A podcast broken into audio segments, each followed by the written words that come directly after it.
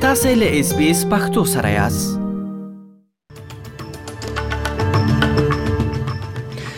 خبرونو سرټکی د استرالیا فدرالي پولیس وایي د ایتالیوي تنظیم شوی جرمونو باندونو سره دوی مبارزه کوي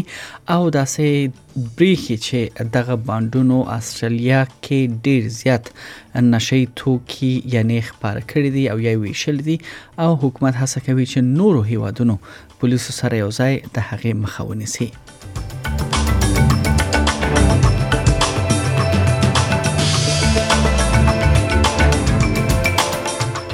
نن د استرالیا مرکزی بانک ناسه کوي او تمه ده چې دوی به د سود نرخ لوړوالي اعلان وکړي چې دا به د کور پیرودونکو لپاره یعنی د تادیاتو ورکولو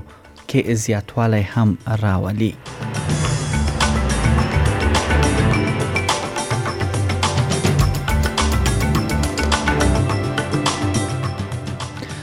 او بل خو سره صلیب ویل دي چې افغانستان کې لا اوس هم خلک د خوړو لپاره د کورونو توکي پلوري ترڅو خپل د ژوند لګښتونه پوره کړي او بیا وروستی خبر دا چې په سیدنی ښار کې هغه کسان چې هغوی د سرکونو ټول کاروي کې چیرې یعنی دغه شمیر د هغوی په کال کې 315 او د 250 ترمنځ وي نو حکومت ورته 40 سلنه یعنی دوی ته تخفیف ورکوي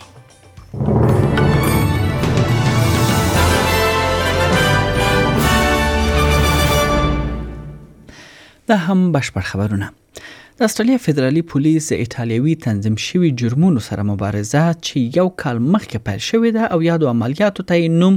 آیرن ساید ورکړی دی او سم دغه مبارزه روانه ده او پولیس هڅه کوي ترڅو په استرالیا کې د همدې باندونو له لارې د نشه یي توکو خپرېدو مخه ونیسي. چارواکي اټکل کوي چې په استرالیا کې د مخدره توکو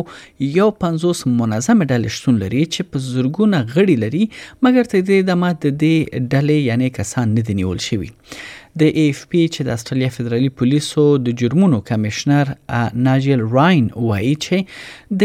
نرلاند ګا غیر قانوني بانډ چې د بایکي ګروپونو لخوا کنټرولېږي او دوی په ټولنه کې تاوتریخوالی رامنځته کوي د هغوی پر وړاندې مبارزه روانه ده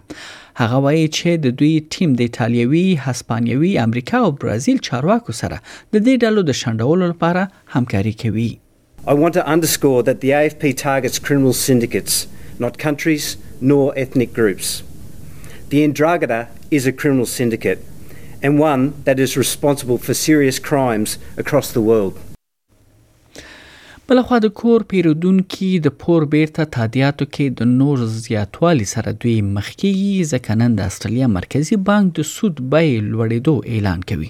د استرالیا مرکزي بانک له ډیرو فشارونو سره مخ دی ترڅو د سود نرخ لوړ کړي چې په استرالیا کې د نرخونو یا انفلیشن زیاتوالي سره مبارزه وکړي د سود نرخ زیاتوالی د اندازې په اړه ګډ نظرونه شتون لري ولې د آر بي د پریکړې په تعقیب چې 13 میاش نرخ یې 0.15 سلنه ته لوړ کړ دا په تیرو لسو کلونو کې لومړی ځل و چې مرکزی بانک د سود بای بیه لوړه کړه استرالیا کې لدې وړاندې د ریکارډ په کچه د سود نرخ ټیټ وو چې دا نرخ یعنی 0.1 وو اقتصاد پوهان تمه لري چې د سود نرخ لوړوالی د انفلاسیون یا د نرخونو لوړوالی فشار ته رسیدنه ده او بلخوا د پټرول او سونګ توکو لګښتونو زیاتوالی او د معاشونو وده د ټولو برخو باندې به د سود ډېروالی مثبتې اغېزې ولري. د سیډني ښار ډریورانو ته چې د سړکونو ټولونو ډیره پیسه ورکوي په راتلونکي میاشت کې د ایالتي بودیجې کې یو څه دوی ته راحت یعنی ورکول کیږي که چیرې د سیدنی اوسیدونکو په یو کال کې 315 څخه تر 250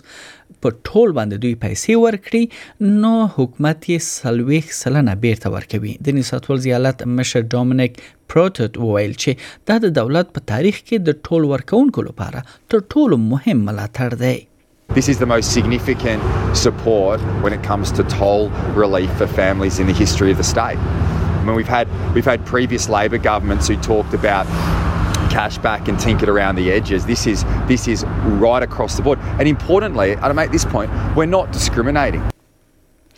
بل خبر له افغانستان څخه د سره صلیب نړیواله کمیټه وایي په افغانستان کې لا هم نور خلک د خوراکي توکو د اخیستلو لپاره د خپل کورونو توکي پلوري دغه څرګندونه افغانستان کې د سره صلیب اساسي او پر خپل ټوئیټر پاڼه باندې کړې دي قاغلی فلیون ویلي دي، لا پراخېدونکی اقتصادي کړکېچ میلیونونه افغانان بې وزلۍ سره مخ کړي دي.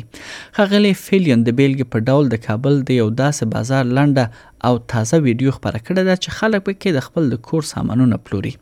د سره صلیب نړیواله کمېټه داسې مهال دغه خبرې کوي چې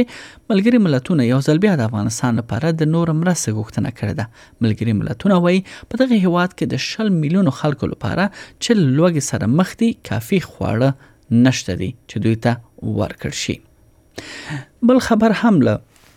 افغانستان څخه دی د طالبانو حکومت خلاف د مقاومت جبهه ادعا کوي چې طالبانو په پنځشیر ولایت کې د دغه ډلې درې غړي نیولې دي او بیا یې سرونه ترې غوس کړي دي خو طالبان لا په دې اړه سندې ویلي د مقاومت جبهه ویان صبغت الله احمدي د یکشنبه په ورځ ویلي دي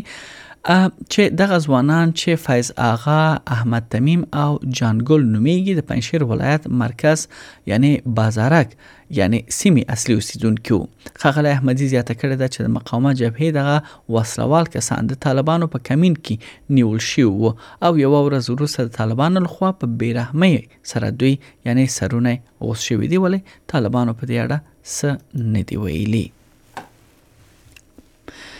بل خبر دا دی چې د انګلستان لومړی وزیر بوریس جانسن په حق کې چې پارلمان کې د نه باور رای وړاندې شو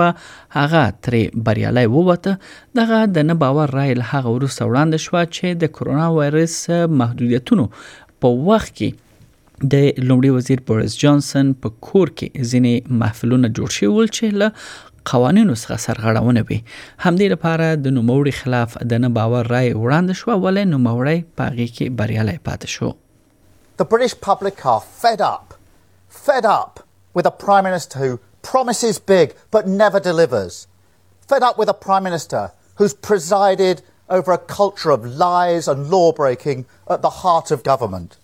Fed up with a Prime Minister who is utterly unfit for the great office that he holds.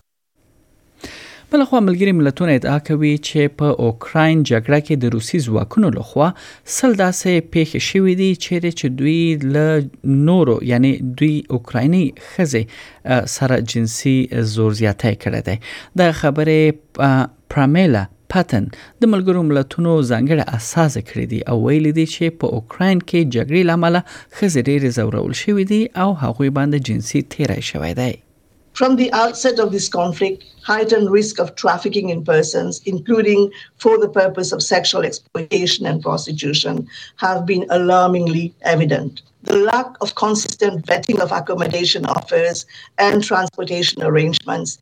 is a serious concern, as well as the limited capacity of protection services to address the velocity and volume of displacement. As of 3rd of June, the Human Rights Monitoring Team of the United Nations High Commissioner for Human Rights has received reports of 124 alleged acts of conflict related sexual violence occurring against women, girls, men, and boys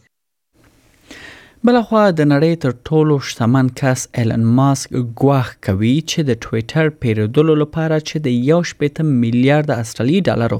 داوطلبۍ څخه به دی ووځي او ټویټر شرکت یې تورن کړی دی چې هغه ته د جعلي حسابونو په اړه معلومات نه ورکوي د ټسلا او د سپیس ایکس سی ای او وکیلانو دا ګواښ یعنی ټویټر ته په یو لیک کړی دی چې د امنیت او تبادله کمیسیون سره د ټویټر څخه دوسیه کې دغه مسایل د دوی شامل کړي په لیک راغلی دی چې خغله ماسک د می د میاشتې له نه منټې راهیسې د شرکت د پیریدلو لوړاندیز څخه شاوخوا یو میاش روسه په مکرر ډول د معلوماتو غوښتنه کړې ده